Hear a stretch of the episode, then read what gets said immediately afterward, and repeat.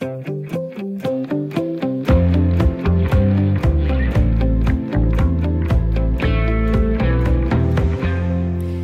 er hjælpen på vej til de virksomheder, som hungrer efter ledige hænder. Eller er den?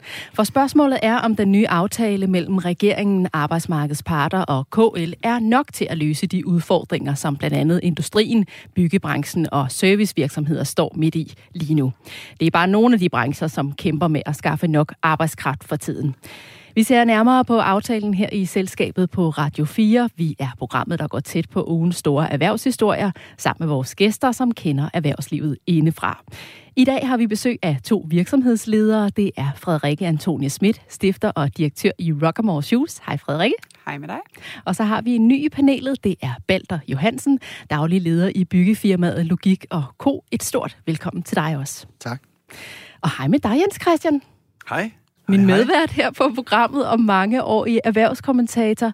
Lidt senere skal vi til fødselsdag her i programmet. Det er en ældre dame eller herre, afhængig af, hvordan man ser det. Det er i hvert fald en, der fylder rundt. Prøv lige at sætte et par ord på, hvem det er, vi skal se nærmere på lidt senere i programmet. Ja, jeg ved i disse tider ikke, om man må sige ham eller hende, men det er i hvert fald øh, en, øh, en, en, øh, en hen, der fylder 150 ja. år.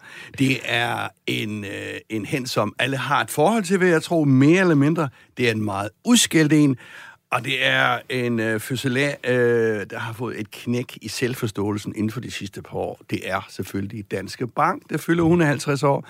Og hvorfor skal vi snakke om den? Det skal vi, fordi den fylder exceptionelt meget i vores samfund, altså internt i vores samfund. Novo og Mærsk, de er jo større, men det er jo globalt. Danske Bank øh, har hver tredje dansker som kunde. Så den skal vi lige runde. Det skal vi. Vi sætter flagene frem, og så må vi se, hvor meget der skal kippes med dem. Jeg hedder Stine Lynghardt og er vært her på selskabet. Velkommen til programmet. Og vi starter som altid med et overblik over ugens erhvervsnyheder. Jens Christian, hvad har du bemærket? Altså, det er svært at komme udenom den ballade, der er i landbruget i øjeblikket. Altså, landbruget er jo stadigvæk et af vores helt store erhverv. Uh, landbruget uh, står midt i en kæmpestor klima- og miljøomstilling, og så brager det løs internt i, uh, i landbruget. Uh, nogen har måske fulgt med i den der MeToo-sexisme-sag, der var i Danbred, som uh, Landbrug og Fødevare, som jo er den der store øh, lobbyorganisation, ejer en stor del af, og først øh, blev direktøren fyret, og så blev øh, bestyrelsen smidt ud, og så i denne, for et par dage siden her, endte det med, at den administrerende direktør for Landbrug og Fødevare, måske en af vores to-tre øh, stærkeste lobbyister overhovedet, sagde farvel og tak, og smækkede med døren, og sagde, at denne gamle øh, sagde hun ikke øh, på den måde, men den politiske ledelse i Landbrug og Fødevare har ikke lyttet til de nye tendenser, der er i, i samfundet. Det er en kæmpe erhvervshistorie. Kan være, at jeg er lidt ekstra optaget af den, for jeg har skrevet også om landbrug i mange år, og, og strukturen der. Men det er jo vigtigt, at, at, at, at, at landbrug selv forstår, hvad det er for en verden, de står i. Og også lige nu, når det handler om klima. Den har de ikke forstået, synes jeg.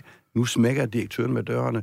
Det må, det må føre til et voldsomt selvopgør øh, internt i landbrugskredse. Vi må se, hvad der sker. Hvad har du ellers stående på bloggen? Ja, men så tænkte jeg på den der ting med, at OECD, den der øh, verdens øh, globale øh, øh, samarbejdsorganisation, har, har, har besluttet, jeg tror det er 193 lande, der har sagt ja, til at man som minimum skal have en selskabsskat på 15 procent. Og det lyder jo rigtig, rigtig godt alt sammen. Tendensen er god, fordi der er jo simpelthen så meget skattesnyd og så meget skattely i denne verden, som bliver unddraget beskatning, at det er et kæmpe problem.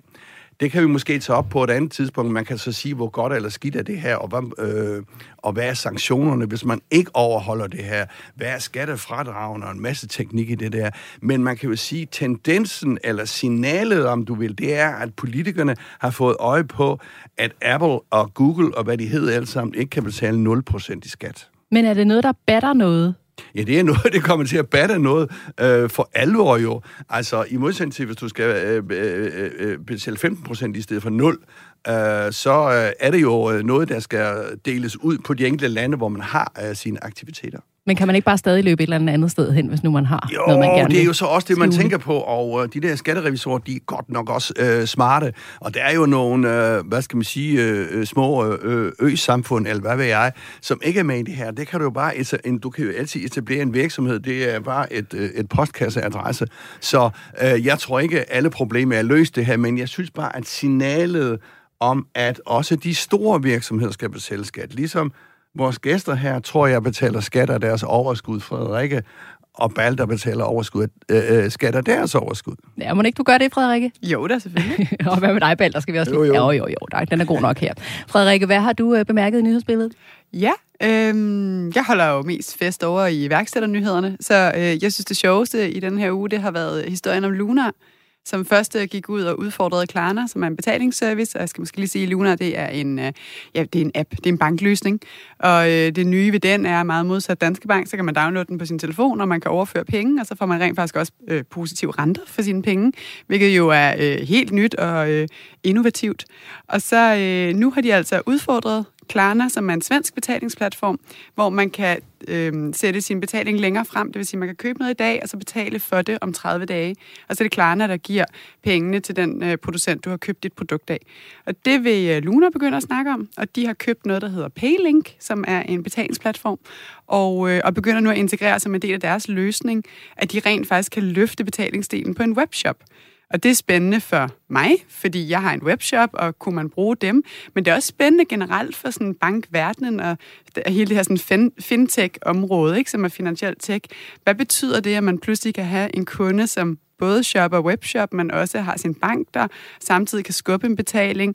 Hvad er det for nogle insights, de får, når dataen bliver samlet det sted, og hvad kan det egentlig betyde for fremtiden, både for iværksætteri og for den måde, vi driver forretning på?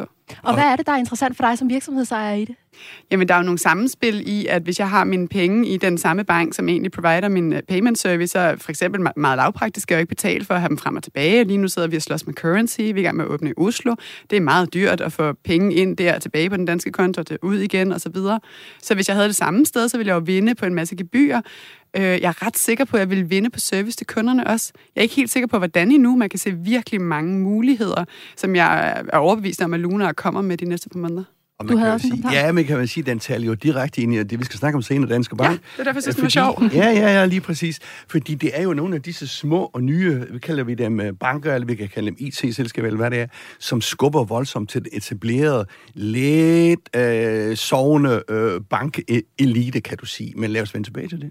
Der findes en ret stor overbevisning om, at udbryderbrands er dem, der, der ruler the world. Så det er faktisk, hvis du kigger på alle de største brands i dag, så er det alle sammen nogen, der er gået ind og har sparket ved en eller anden overbevisning, ved en eller anden måde, man gør ting på. Så har de overtaget det marked. Vi skal også lige nå omkring dig, Balder. Hvad har du bemærket i øh, erhvervsnyhederne? Jamen, øh, jeg har jo bemærket lidt for min egen boldbane, og det er jo i forhold til, at øh, nu har vi jo været forgængsfolk for bæredygtig byggeri siden øh, 80'erne, og har, hvad hedder det, lagt mærke til, at øh, der er kommet et nyt, øh, hvad hedder det, lovforslag i forhold til almennyttige boliger, og de skal være billige, og de så oven i købet også skal være bæredygtige. Og grund til, at jeg måske lagde mest mærke til det, var, fordi jeg faktisk sad med i det udvalg, som har lavet betænkningen i forhold til, til boligministeren. Så det var meget sjovt. Det er første gang i mit liv, jeg har prøvet at øh, for det første at være på de gulve og blive hørt på, fordi det er ikke noget, der normalt er nogen, der gider at høre på en uh, ufaglært bygningshåndværker fra Nørrebro. Og så faktisk også uh, få en lille passus i det der. Så uh, Er det også noget, der er interessant for jer som virksomhed? ja, det er jo det, vi laver og lever af, ikke? Men, uh, men det er jo også en, en, interessant i hele det store billede i forhold til hele byggebranchen, ikke? at der kommer nogle nye, nogle nye måder. Og også for landbruget, fordi de skal jo levere de varer, der skal ind i isolering i væggene, så det er jo også, uh, det hænger sammen. Vi linker lidt her. Tak for denne uges nyhedsoverblik.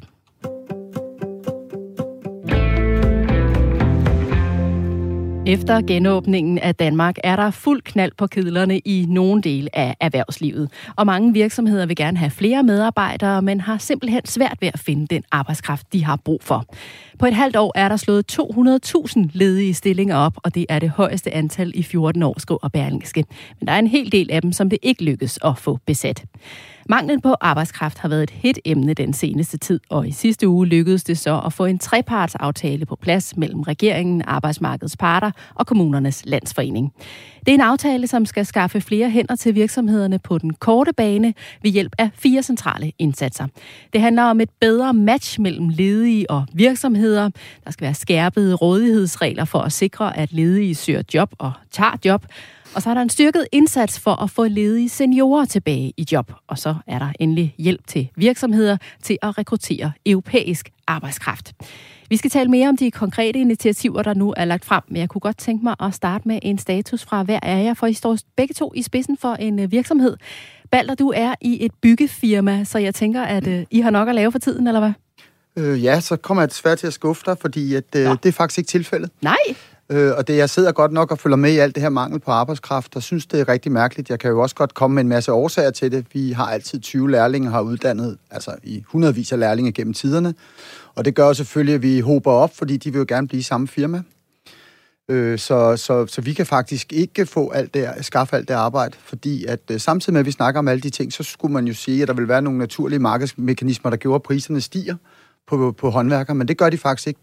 Det oplever herre fru Jensen nok lidt, fordi de oplever det her med, at skal du skifte et panel, en stikkontakt og sådan noget, så betaler de måske et par hundrede kroner mere per, for, for, i timen, end de gjorde før.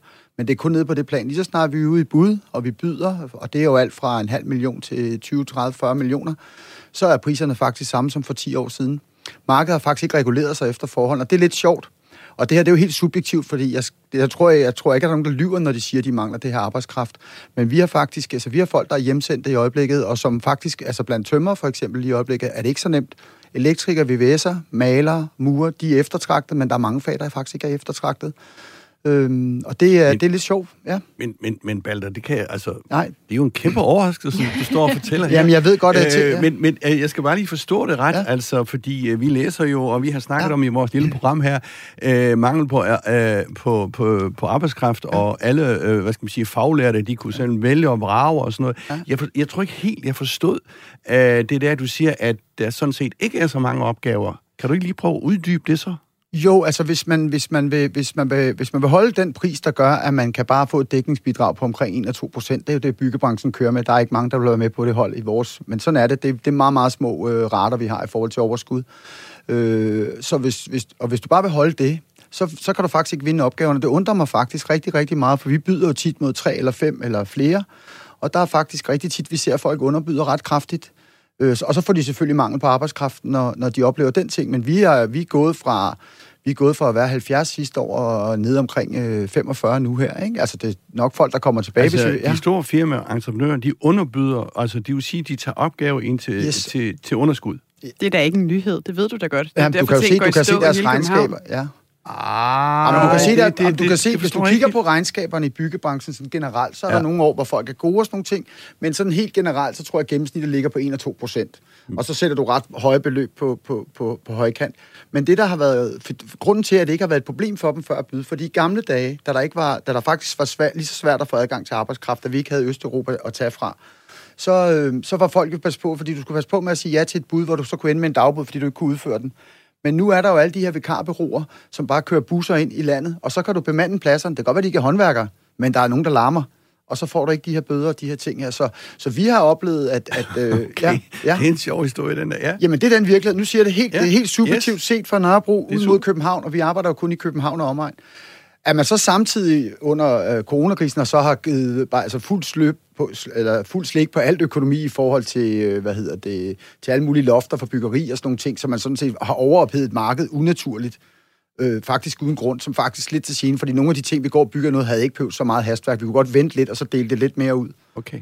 Og så vil jeg sige en anden ting. Jeg tror så, der er sket en sjov ting, og det er, at mange af dem, som, fordi hvis jeg kigger på, hvem der rigtig er sultne efter folk, så er det servicebranchen og hotellerne og sådan nogle ting. Yep. Og jeg tror, der er sket det, at øh, mange af de folk, der, da, da krisen kom, enten er de rejst hjem, eller også er de, fordi byggebranchen lå ikke stille under corona. Vi arbejdede jo videre, og det vil sige, at de fandt deres ufaglærte job op i byggebranchen. Og der har de trods alt alligevel fået 20, 30, 40 kroner mere i timen. Så de kommer jo ikke tilbage igen til en branche, hvor de kan stå i en kælder og vaske tøj, hvis de kan gå på en byggeplads. Så jeg tror også, der er nogle mekanismer der, som vi ikke går det godt nok ned i. Men jeg vil slet ikke udtale mig om resten af landet og industrien, fordi at, at det, de folk siger jo ikke det her for sjov. Det vi kan mærke, der er virkelig mangel på, det er lige i øjeblikket, det er akademisk uddannede håndværkere, altså folk, der er bygningskonstruktører og sådan nogle ting. De bliver de meget, meget høj kurs. Altså der er virkelig der, hvor, og det er også der, hvor vi har et problem, for dem kan vi simpelthen ikke fastholde, så længe vi har det lige lønsprincip, vi har i vores firma. Så der, der, der er vi udfordret, men det er også det. Øh, og udover det, så er det bare, at priserne skal være, vi går jo ikke ind og giver et bud, vi taber penge på. Altså måske skal vi lige uh, præcisere, du ja. har nævnt det lige med ja. en, en kort uh, ligeløn. Ja. Altså I har jeres firma, I får præcis det samme alle sammen. Er det korrekt opfattet? Ja, per time. Uanset om det er dig, der er direktør eller repræsentant, eller hvad du nu ja. kalder dig selv. Ja. Eller er jo ikke lærlingen, men altså den, øh, den øh, svenden. Alle, alle voksne, som vi siger, som ikke er under en læreproces, de får, de får 185 kroner i timen, ja. Og det er for 37 timer om ugen. Okay. Det, det er prisniveauet lige nu, og det er ikke højt. Det er ikke højt, og vi kan, altså, vi kan kun lige holde skinnet på næsen. Altså, det er ikke... Øh, så, så der er, der er, hvad hedder det? Ja, det er en, det, det er en sjov øh, udfordring at stå i, og, og, og det er ikke sådan, det, der er jo andre tømmerfirmaer, der skriver til mig, kan du bruge seks mand her, eller har du, jeg har ikke noget at lave om 14 dage, kan du ikke bruge 12 folk, eller sådan noget, ikke? og man tror jo bare, de vil blive hævet ned af hylderne. Men nej, Okay. Ja. Frederikke, vi skal også uh, vende dig. Du ejer jo så et skofirma, og jeg så på LinkedIn for nogle uger siden, at uh, du søgte medarbejdere. Hvordan er det gået med ansøgningerne hos dig? Jamen, jeg sidder så på den helt anden side af skalaen. Ja, det, ja. uh, det kan være, at vi skal finde en eller anden synergieffekt her. Men, uh, men jeg har uh, virkelig brug for hjælp. Vi, uh, vi er helt på den. Altså, jeg tror, vi har fire åbne stillinger og uh, fuldtidsstillinger på kontoret, og vi har fem-seks stykker nede i butikkerne, og så har vi den ekstra udfordring, som folk plejer at kalde et luksusproblem. Jeg hader ordet luksusproblem, det er jo stadig et problem. Men det er jo, at vi vokser for hurtigt, og det kan vi ikke følge med på. Og det er da skønt, at vi vokser, men det er da virkelig nederen, når folk får en dårlig service, hvis ikke jeg har nok mennesker på arbejde på en lørdag. Så jeg er virkelig presset på, at vi ikke kan finde talent, og vi samtidig vokser, så vi egentlig har brug for mere talent i morgen, end vi havde i går. Hvad sker der så, når du har ansøgninger ude? Hvad får I af respons?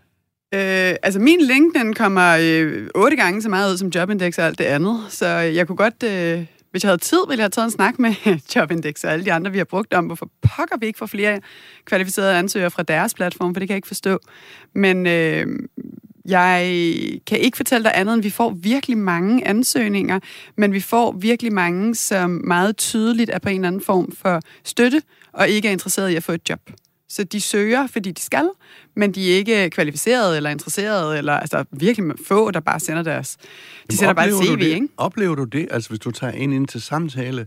Jamen, de kommer som... slet ikke til at aflyse, de bare i sidste øjeblik. Dem har vi mange af for tiden. Det er aldrig sket før. Og det må man godt over for jobcentret, eller hvad det hedder? Det tror jeg.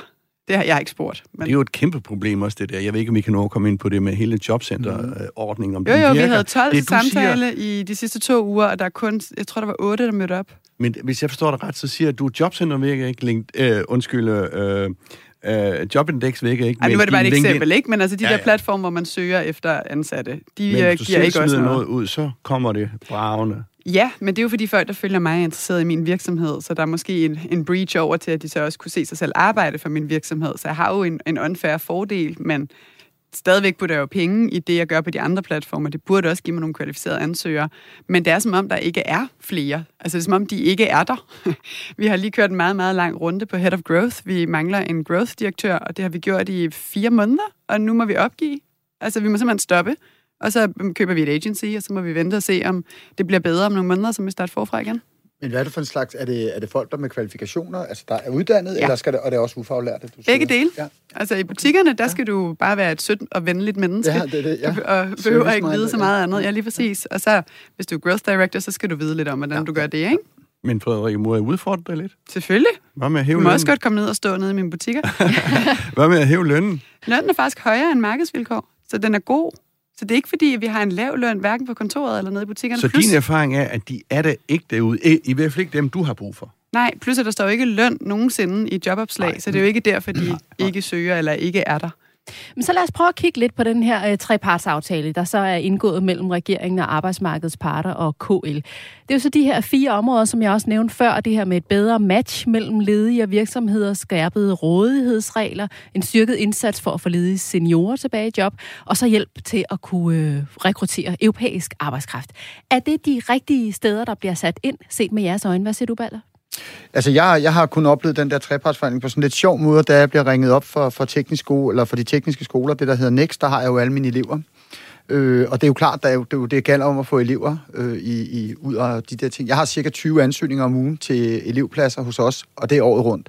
Og det er både inden for el, VVS, og, nej, el og sneker og tømmer og, og murer. Der kommer et hav af dem, hovedsageligt tømmer og sneker.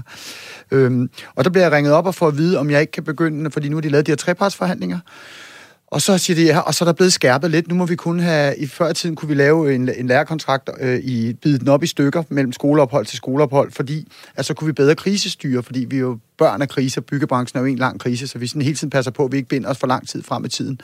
Og vi har faktisk fundet ud af, at hvis vi skulle lave treårskontrakter hver gang, så ville vi kun kunne have cirka 10 lærlinge, fordi så tør vi ikke mere, så bliver risikoen for stor. Men med de små kontrakter kan vi faktisk have et sted mellem 20 og 25, og det har vores lærlinggruppe sådan ligesom accepteret og sagt, det vil de godt være med til. Men det er også fordi, vi opfører os ordentligt, at der er stor søgning imod os. Men nu får jeg at vide, nu må jeg kun gøre det én gang. Og det vil sige, nu begynder jeg at blive bange, for der er ikke nogen, der holder tæppet under mig, når krisen kommer. Jeg, sidder, jeg har prøvet sidste gang der i, i 17 og 18, der hvor jeg sad med 20 lærlinge og en svend til at underholde dem. Ikke? For, og, de, og der var ikke arbejde til dem alle sammen, for der var ikke arbejde på det tidspunkt. Og det er sådan en ting, som jeg oplever, som, og det får jeg at vide, det er en del af de trepartsforhandlinger, hvor jeg så bare sådan, det går ikke det her. Altså, I bliver simpelthen nødt til at give os nogle bedre rammevilkår. Og det kan godt være, at der er nogen, der udnytter det her med at bruge det til at true lærlingene med, at de, om du får ikke forlænget din kontrakt, hvis det er. Men så må de slå hårdt ned på dem, fordi også der kan bruge det fornuftigt. Eller også må de sige, jo flere lærlinge du tager, jo mere holder vi hånden under her i kriser. Ikke? Og det er ikke det, vi oplever. Så hvad tænker du om de her initiativer, der kommer? Jamen, jeg, jeg, jeg tænker på, jeg, tæ, jeg tænker, at jeg, jeg tror, der er sådan et kæmpe stort strukturelt problem, som, som, som vi også oplever i forhold til de her, sådan, der, der ikke vil i servicebranchen. Jeg tror faktisk også, at mange af dem ikke er i byen mere. Jeg tror altså, vi ser en stor affolkning. Vi kan også se, at der er rigtig mange folk af vores nyudlærte og sådan noget, der flytter, altså flytter til andre steder i Danmark, altså i, fordi de simpelthen ikke har råd til at være her mere.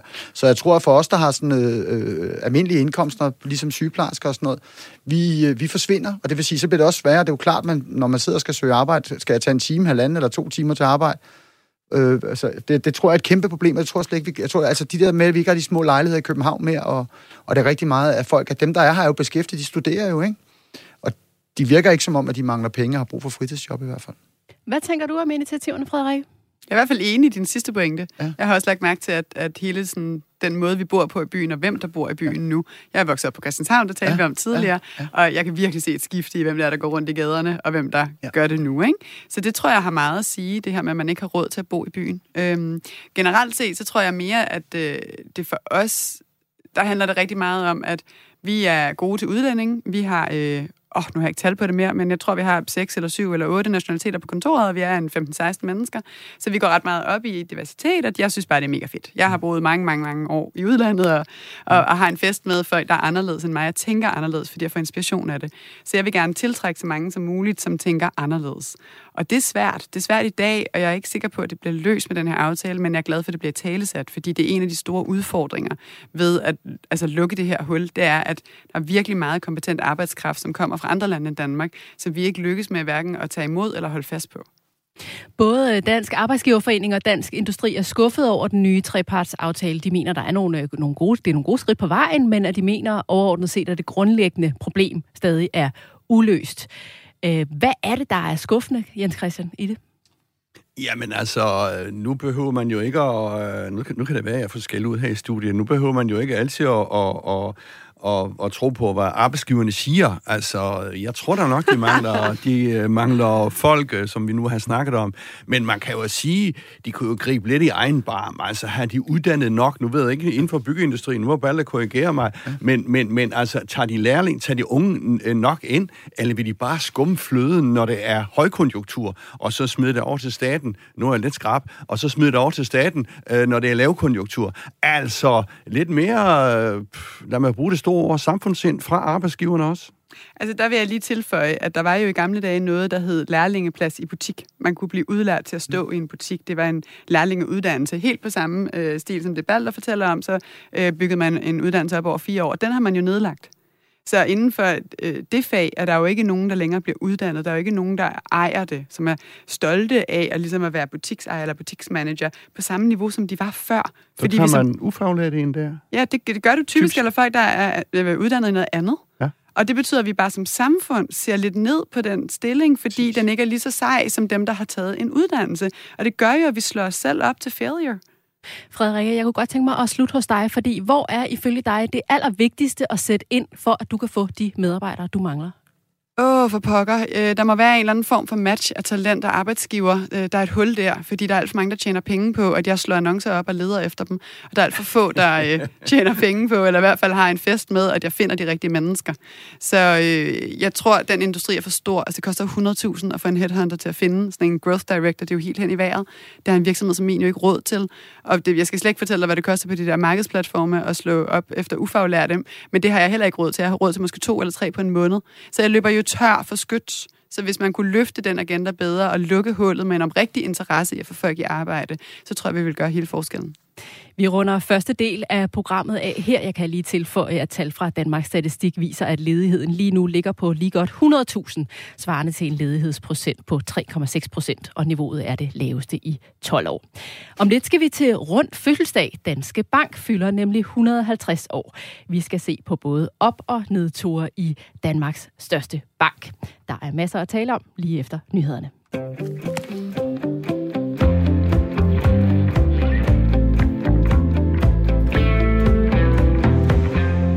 Du lytter til Selskabet på Radio 4-programmet, hvor vi analyserer og debatterer ugens store erhvervshistorier og går tæt på nogle af personerne bag virksomhederne. Jeg hedder Stine Lynghardt og er vært sammen med erhvervskommentator Jens Christian Hansen. Og vores gæster er i dag Frederikke Antonie Schmidt, stifter og direktør i Rockamore Shoes, og Balder Johansen, daglig leder i byggefirmaet Logik og Co. Det er tid til ugens quiz. I denne uges quiz skal vi et smut ud i trafikken. For hvis man er bilist, så har man måske bemærket, at det går lidt langsommere ude på vejene i myldretiden om morgenen og om eftermiddagen, end det har gjort i lang tid, mens folk har arbejdet hjemme under coronapandemien. Og der er noget om snakken. Flere i den grad til, øh, tilbage på vejene. Det gælder for eksempel på en af Danmarks mest trafikerede motorveje. Det er Motorring 3, som løber lige vest for København, og som forbinder nogle af de store motorveje omkring hovedstaden. Faktisk er trafikken på de kanter blevet værre end før corona, viser tal, som Vejdirektoratet har oplyst til den lokale tv-station TV2 Løje. Og spørgsmålet, som I nu skal svare på, det er, hvor mange minutter er rejsetiden steget på Motorring 3 i forhold til for to år siden? Lad mig få et bud fra jer alle tre. Hvad tænker du, Jens Christian? Jamen, øh, hvor lange øh, afstand og sådan noget der? Skal jeg bare sige, okay. Ja, hvor meget længere tror du, det kommer at komme igennem Motorring 3? Øh, 12 minutter. Ja, hvad siger du, Frederikke? jeg kører på cykel i København. Det ved jeg da overhovedet ikke noget om. Øh, to timer. det er lige over, det er lige skal jeg afsløre. Ja. Balder, hvad siger du? Jamen, vi kører rundt for alle andre, men øh, jeg, jeg stod faktisk og tænkte, sådan 12 minutter skal nok passe, for det har sikkert taget Ej, en time eller andet. Men jeg vil ikke, ikke sige det samme. Nej, det kan jeg heller ikke, så jeg går lidt længere op. Lad os sige 20 minutter. Om så er det faktisk Jens Christian, der er tættest Se, det var smart, ikke? Nu har han vundet alligevel, selvom han ikke vandt. Rejse. ja, det var, Jens Christian, der var tættest. Nej, rejsetiden på Motorring 3 ved København er steget med op til 5 til 7 minutter. Ej, hold nu op, det er jo ikke et problem. Faktisk er antallet af biler på motorvejene rundt om København steget med cirka 5% fra september 2019 til 2000, ja, de skal køre på 2021. Ja. Og det giver altså den her ekstra rejsetid. Frederikke, du siger, at det er overhovedet ikke et problem. Nej, det var derfor, jeg sagde to timer. Det havde været et problem.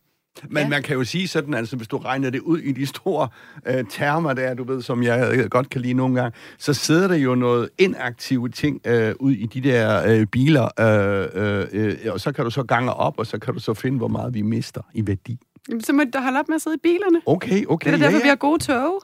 Ja, ja, ja. Som forresten også er fem minutter forsinket, så du har ikke vundet noget af den bil der eller du skal arbejde hjemme. Og det, ja, men det skal du ikke. Det er, jo det, faktisk også, af. det er jo faktisk også en af grundene til, at der er flere på vejene, fordi der er, vi er stadig under niveau i forhold til bus og tog. Der ligger vi altså stadig cirka 10-15 procent under, hvad normalen er.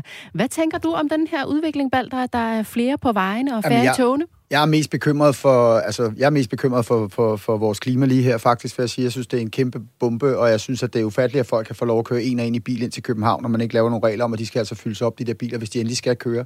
Og vi en cityring. Hvor er ja. cityringen? Vi besluttede for 20 år siden, at øh, vi arbejder kun i København, og det gælder om at fokusere. Og folk sagde, det dør du af, håndværker skal kunne rejse hele verden rundt. Vi sagde, nej, vi arbejder kun i København. Og der var krise dengang, der var ikke nogen, der troede på, at der kom det boom, som har været det sidste 20 år. Øh, og det var ikke derfor, vi gjorde det. Og det gjorde vi også for vores arbejdsmiljø, fordi vi var lede og kede, og jeg har selv siddet i timevis for at køre fra København ud til en eller anden byggeplads og tilbage igen, og sidde i de der køer der, og bare komme hjem og være fuldstændig most og mast, og, og virkelig mere træt end en hel dags hårdt arbejde, men så den der inaktivitet i bilerne. Øh, så, så, så jeg har det sådan, at, at det bliver, det, der skal folk, altså, der, og det er jo hele min det der ting. Jeg er meget københavner, og jeg synes, så, hvis jeg, hvis jeg, jeg skal også være plads til, at der kan være bygningshåndværker i København. Og det er, derfor, det er jo derfor, vi kæmper så hårdt for at sige, at vi skal blive her, og det er også derfor, at vores værksted stadigvæk ligger midt inde i, i Rysgade på Nørrebro og sådan nogle ting. Vi må ikke give op på de ting, der vi, vi, vi regner det at transportere selv for ingenting, men både arbejdsmiljømæssigt og miljømæssigt er det en kæmpe ting, så man skal være lidt mere tættere i forhold til... Jeg kan huske, min mor, hun er sygeplejerske. Hver gang hun skiftede hospital, så flyttede jeg rundt i København. Altså, man tænker, hun bor i samme by, hun kan jo godt tage til Hvidovre Hospital, eller Sundby Hospital, eller Bispebjerg. Nej, nej, dengang, der flyttede man derhen i nærheden. Du for... markerede også, Hans Christian? Ja, altså, jeg kan godt tænke mig at høre, Balder, fordi øh, alle de der håndværkerbiler, der kører rundt i, mm. i København, altså, der kan det jo tage en time at komme igen øh, på mm. det værste tænkelige tidspunkt. Ja. Altså, hvordan, dels, altså, hvordan fakturerer jeg grund? Det er mig som kunde, der kommer ja. til at betale det. Men, men, men kunne I ikke gøre det lidt smartere, så I ikke er ude at arbejde en time et sted og to timer et andet sted? Jo. Nu provokerer det. Jamen, du må gerne provokere mig, fordi det er det samme, der provokerer mig, og det er faktisk en af de ting, vi har gjort op med hos os. Og det er jo, at når vi laver en byggeplads et sted, så, så er der kun én bil på pladsen, og det er den til nødsituation, hvis du mangler noget, og resten cykler altså hen på pladsen. Så vi cykler til og fra arbejde, alle okay. håndværkerne. Men vi skal jo også rundt med tunge ting. Men den der med, jeg kender godt den der med, så er der en, der skal komme op, og så først, når han står op i lejligheden, så kigger han, når du skal hente dem til dut, og så kører han ned igen og bruger en time hen til grossisten, skal drikke to kopper for kaffe, spise fire basser, køre tilbage igen og gå op i lejligheden, og så fakturerer han dig fire timer for noget, der tager 20 minutter. Altså den, altså den hader vi jo lige så meget, fordi vi blev også udsat for det, når vi ansætter nogle underentreprenører. Noget. Jeg, jeg, jeg, jeg står bare ned og siger, hey, det er den time, du har, ellers må du cykle rundt. Og der er jo rigtig mange virksomheder, københavnervirksomheder, både VVS og elektrikere, låsesmed og os og alle mulige andre, der cykler rundt. Selv Dansk Autohjælp cykler rundt nu, og kan give dig el og sådan nogle ting. Altså, det kommer til at blive en trend inde i byen. Og Frederikke, hvis man nu ikke lige kan cykle, hvordan får vi så folk tilbage i togene? Uh, så må vi jo tage ansvar for, at der stadig er noget social angst. Og vi må tage ansvar for, at øh, det er en ny verden. Vi kan ikke bare Eller sige... sætte priserne ned, og få de tog til at køre tiger og ofte, og smide nogle flere penge i det. Det er investeringer. Ja, jeg vil sige, at billigere priser virker selvfølgelig altid for danskerne. Det er rigtigt. Det kunne man også gøre. Tillykke til Jens Christian, der vandt denne uges quiz. Det første gang. Ja, det er første gang, du vandt. Tillykke med det. Nu vil jeg gerne invitere alle jer her i studiet og jer, der lytter med til en rund fødselsdag. For Danmarks største bank er netop fyldt 150 år. Det er Danske Bank, jeg taler om. Og lad os da prøve at se på, hvad vi særligt ville fremhæve, hvis vi nu skulle skrive en lejlighedssang til den nu 150 år gamle Danske Bank. For der har imod væk både været en del op- og nedture gennem årene, og en række personer, der har sat deres præg på virksomheden. Men først skal jeg lige høre dig, Jens Christian. Hvor mange artikler har du egentlig skrevet om Danske Bank gennem årene? Det var programmets anden quiz, der kom her. Hvor mange artikler? Hvor mange Ja, andre artikler? Jeg skrev min første artikel om øh, Danske Bank i januar 1900 1988, og siden har jeg virkelig skrevet meget. Jeg vil tro et sted mellem 3 og 4.000. 3 og Et 4.000. slag på tasken. Det er et par stykker. Har de været overvejende positive eller negative, hvis du ser tilbage? Altså negativ, altså jeg, jeg mener sådan en færre kritisk øh, holdning, det er jo sådan, det, det journalister er til for. Vi er jo ikke til for at være et, øh, et forlænget markedsføringsinstrument. Øh, instrument. så, så det har nok været kritiske artikler. Ja, men der kan også være masser af gode tendenshistorier, man kan fortælle, for eksempel. som kan Ja, en det kan det positiv selvfølgelig historie. være, hvis øh, for eksempel Danske Bank hopper til Irland og køber to banker for 30 milliarder. Det er jo en god historie, når de gør det, og det viser jo initiativ og så videre og så videre. Og men så kommer historien bagefter, hvor de så tager hele målvitten om at afskrive de 30 milliarder, så er det en kritisk historie. Hvis nu vi skal holde fast i den her tanke om at skrive en lejlighedssang til Danske Bank. Jeg skal nok lade være med at bede jer om at synge. Men lad os snakke om indholdet. Jeg tænker at i hvert fald, at der må være ret mange vers i den her lejlighedssang. Men hvad vil helt sikkert skulle med i en sang om Danske Bank? Jamen altså, Danske Bank er jo en institution, altså uanset om man kan lide banken eller ej, så er det jo en institution og et bindeled i vores samfund, sammen med de andre banker. Men, men, men øh, og så har den jo den historie, den har. Den er faktisk været ved at krakke et par gange. Den er krakket en gang tilbage i 20'erne, og var tæt på at krakke i forbindelse med finanskrisen, hvis staten ikke, ikke var kommet ind. Så øh, i nyere tid, der er den der stolthed, nu vil kalde det arrogance, af, øh, afløst af en ydmyghed ud over alle grænser, og et øh, famlende forsøg på at genfinde sit, øh, sin image som en, en, øh, en storbank. På en tidspunkt var den faktisk, den havde købt øh, alt og alle i, øh, omkring sig, øh, Nordens øh, største og stærkeste bank. Øh, det er den ikke nu. Øh, tidligere var den meget indflydelsesrig på Christiansborg. Det er den ikke nu. Den for tæsk. Det er, det er populært for politikere at score point på at bashe bankerne øh, i høj grad. Og det har jeg også selv været med til at skrive kritiske artikler, så de ligger lidt, som de har ret bankerne. Men, men det er ikke en fødselsdag, sådan, hvor flagene kommer voldsomt op i vejret i Danske Bank i øjeblikket. Men det er stadig Danmarks største bank. De har stadig omkring øh, 1,5 millioner kunder. Øhm, så de må vel stadig kunne noget? Jamen selvfølgelig kan de noget, og det er jo det igen.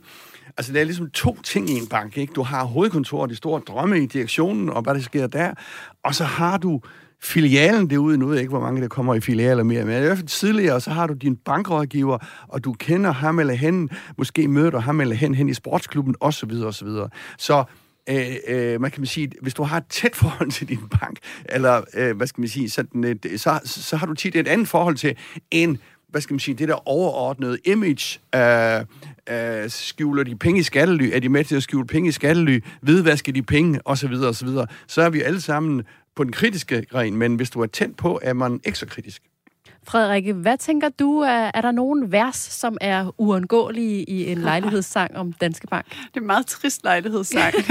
Sådan nærmere en sviner. Spørgsmålet er også, hvilken sang vi synger på, ikke? Men ja. det, det må vi så finde ud af. Alright. Øhm, ja, altså jeg er jo øh, markedsføringsnørd, så jeg kigger jo på, hvordan folk markedsfører sig, hvad er det for noget marketing, de bruger deres energi og, og deres ressourcer til. Så øh, det største, jeg husker fra Danske Bank, er hele deres New Normal-kampagne, og det selvmål, de lavede med den, hvor de jo brugt både Pussy Riot Pirates og øh, Paralympics-stjerner som en del af en kampagne, uden at have spurgt dem først.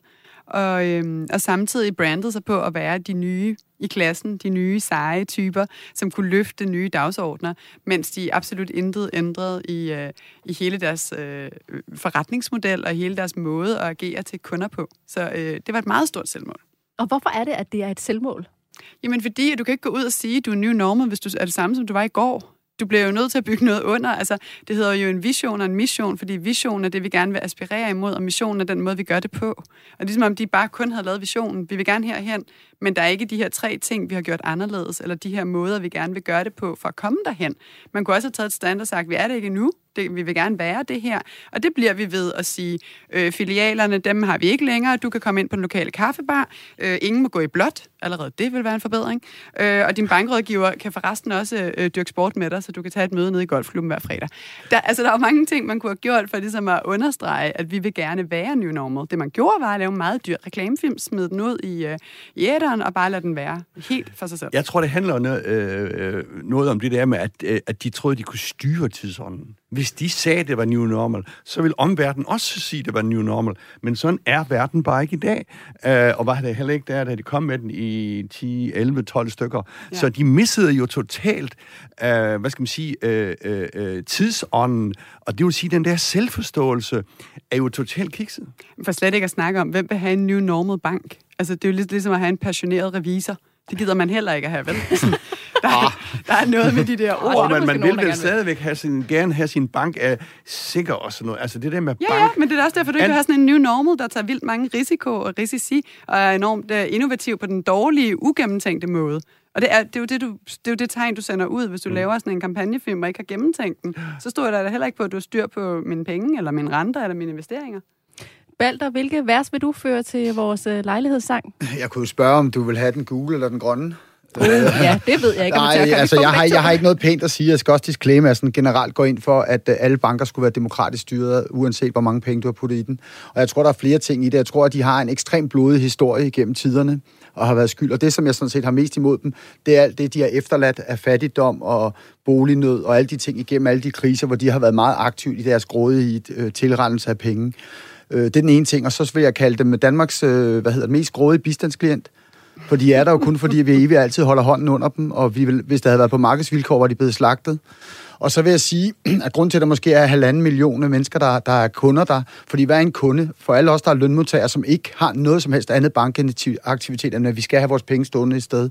Det var dengang, fik vi de brune konvolutter. Der var ikke mange, der var medlem af banker dengang. Så var det måske Arbejdernes Landsbank, fordi de ville måske låne dem nogle penge, eller nogle af de andre sådan lidt mere alternative banker på det tidspunkt. Så jeg vil sige, at det, vi er jo også tvunget til at have en bank. Du kan jo ikke i dag ikke have en bank, fordi nemkonto, og jeg ved ikke, hvad der ikke findes, og alle mulige ting. Så jeg tror, jeg tror, jeg godt tænker mig at vide, hvor mange, der havde sådan et aktivt forhold til dem, ud over lønkontorer, fordi lønkontorer er vi jo tvunget til at have, ikke? Så jeg har ikke særlig meget pænt, hvad? Specielt i dag, hvor man ikke ja. kan låne penge, ikke? Nå, men det, altså lige siden dengang, hvor vi ikke kunne få de brune konvolutter, når vi kom ned hver fredag og fik løn for... Jeg er stadigvæk... Øh, jeg er trods alt så gammel, jeg godt kan huske, at jeg fik min første løn i sådan en lille brun konvolut der nede i kassen, ikke? Og så stemplede man og skrev under. Øh, men, men det er jo... Men det, min holdning er, at, at, at de, er, de, altså, de har været for grådige, og de bliver simpelthen understøttet for meget, og der skulle man hellere understøtte de demokratiske banker. Jeg kunne godt tænke mig at tage et smut ud på gaden for at høre, hvad det første er, danskerne kommer i tanke om, når de tænker på Danske Bank. Prøv lige at høre, hvad de sagde, da vi mødte dem på gaden i København. Lige der, jeg har min bank lige nu. Og så tænker jeg også, at det minder mig om, at jeg skal huske at skifte bank. Fordi at den stor bank, og jeg kan bedre lide altså ideen om en lille bank, fordi at ikke bliver lige så meget business-drevet. Nu har der jo været en del negativ omtale om forskellige banker, der har været forskellige øh, hvidvaskskandaler. Hvorfor er det noget, du tror, der vil være mindre af i en lille bank frem for en stor bank, som for eksempel Danske Bank? Ja, altså det tror jeg, fordi at det bliver ligesom, det bliver mere intimt, kan man sige, i en lille bank, og der er ikke lige så stor ligesom, mulighed for og altså, der er jo ikke lige så mange mennesker involveret, så det er nok sværere at skjule ting, kunne jeg forestille mig. Det er min bank, og det er jeg ikke særlig stolt af. Øh, jeg synes, de klokker i det hele tiden. Altså. Men øh, ja, de har været en god bank for mig.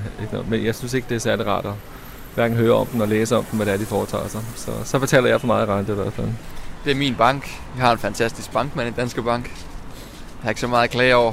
Altså på det personlige plan. De store historier kender man det godt til, men øh, sådan helt øh, personligt synes jeg, det er en dejlig bank.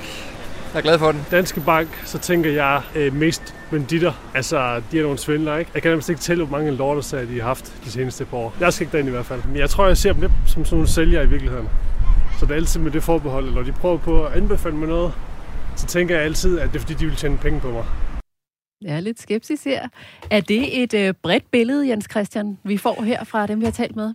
Ja, det tror jeg faktisk, og nu øh, får de godt nok tæsker. Jeg havde aldrig troet, at jeg skulle stå og forsvare Danske Bank, og det skal jeg heller ikke. Men jeg vil bare sige, Danske Bank synes jeg udfylder en rolle, og jeg synes, banksystemet udfylder en rolle. Jeg tror nok, det har måske noget at gøre med, Altså, man tror på en markedsøkonomi, eller ikke tror på en markedsøkonomi. Den er jo børsnoteret, så det skal jo give et afkast til de der aktionærer. De har altså ikke fået meget de, de sidste par år. Men ellers, ja, jeg tror faktisk, det er et... Øh, det er også det, som de siger her, det er min bank, og den er sådan set okay, men de der store historier, jeg hører, dem kan jeg ikke lide, øh, og derfor øh, får de det der dårlige image, øh, som, øh, som de jo ikke kan komme af med i øjeblikket. Ja, Frederikke? Det er jo interessant at kigge på, hvad er det for en service, de leverer, og er det stadigvæk en service, der er aktuel at blive leveret fra nogen som Danske Bank, fordi jeg vil jo trække tråd til Lunar, som er min bank, og jeg synes, de er fantastiske, fordi hvis det er bare en lønkonto, jeg skal bruge, jamen den får jeg der. Og hvis jeg skal bruge en, en, øh, en, en vej ind i en investeringsplatform, så får jeg den sjovt nok også der. Og så er der ikke andet, jeg har brug for. Og hvis jeg skulle betale fire gange så meget for det over hos Danske Bank, hvad jeg sikkert skal, så, så der er jo slet ikke nogen konkurrence. Og jeg kan ikke låne penge. Øhm, det er jo enormt svært i dag at låne penge til lejligheder. Det er jo også det, vi snakkede om tidligere. Man ikke rigtig kan komme, man har ikke råd til at bo i byerne. Så hvad er det egentlig for en service, der er tilbage? Jeg sætter noget pension. Den kan jeg også sjovt nok selv sætte sammen.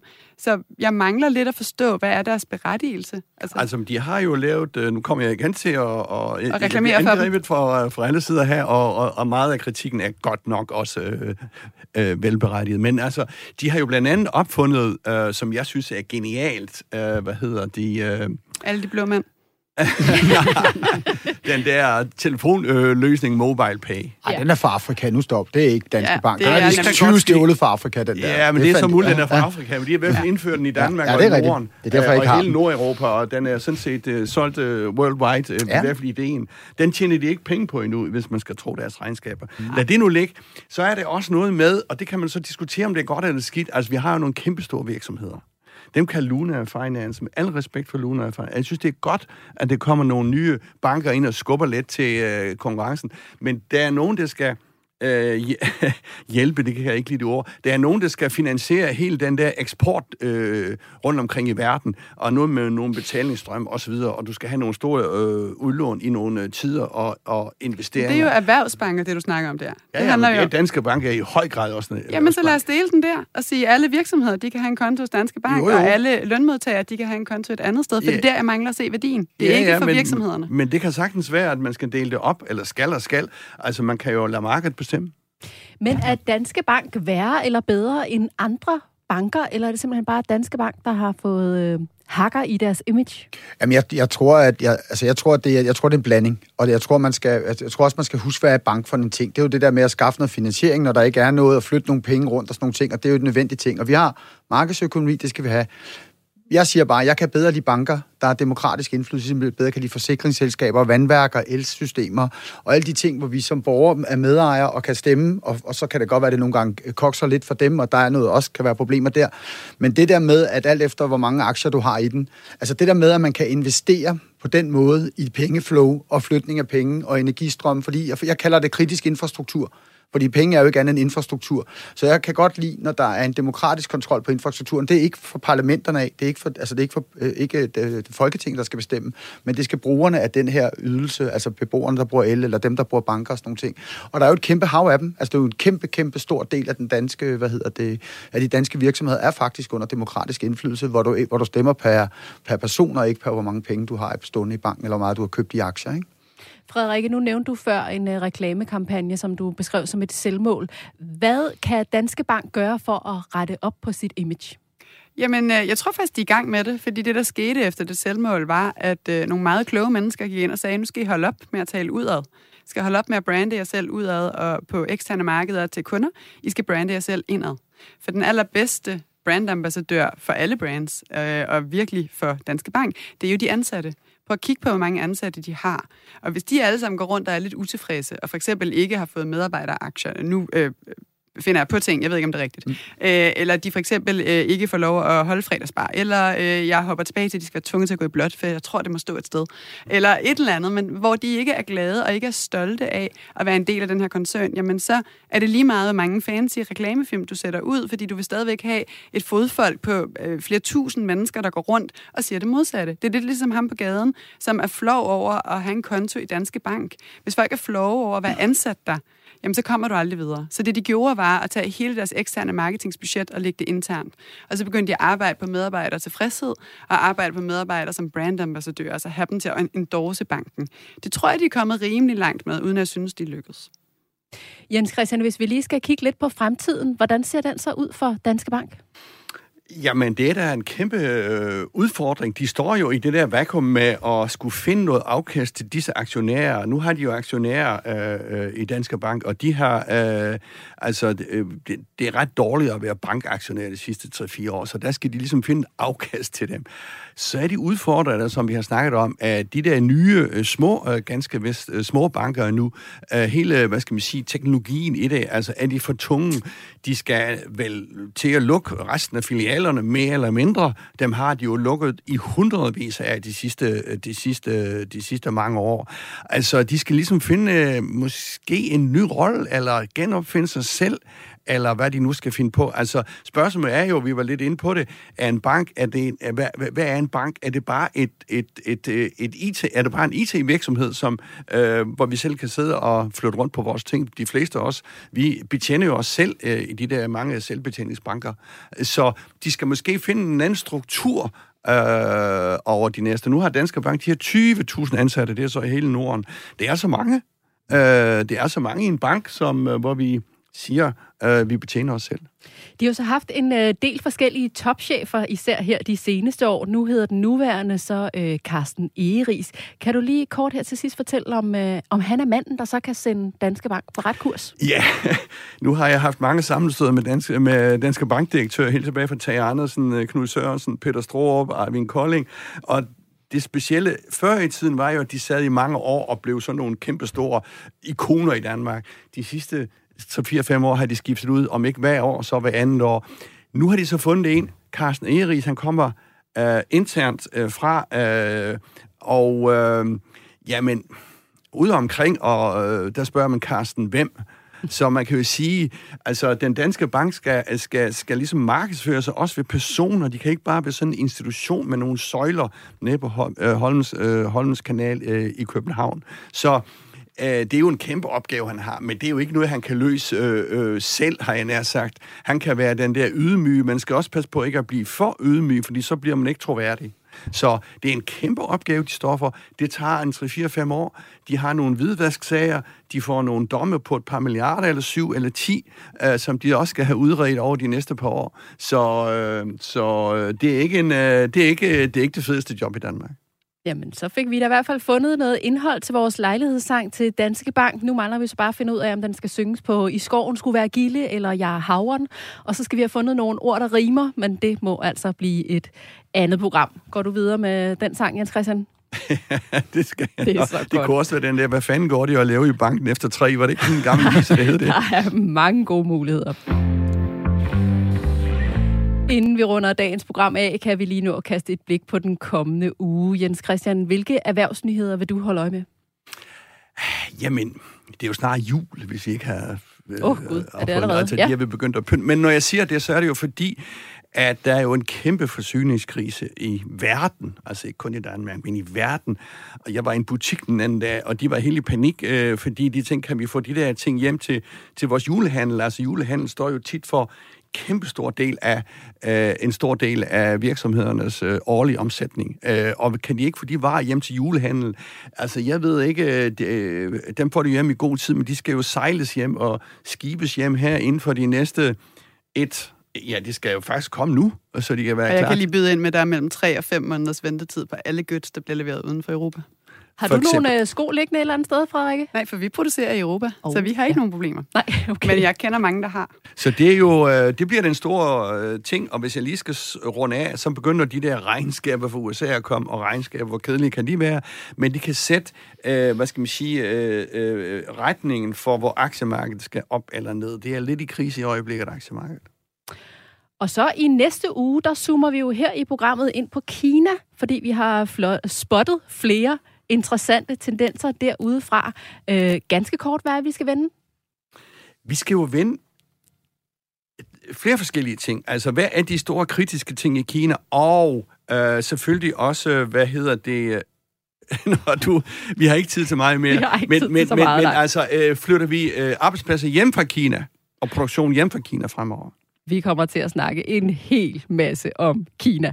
Tak til vores gæster i det her program, Frederikke Antone Schmidt, stifter og direktør i Rockamore Shoes, og Balder Johansen, daglig leder i byggefirmaet Logik og Co.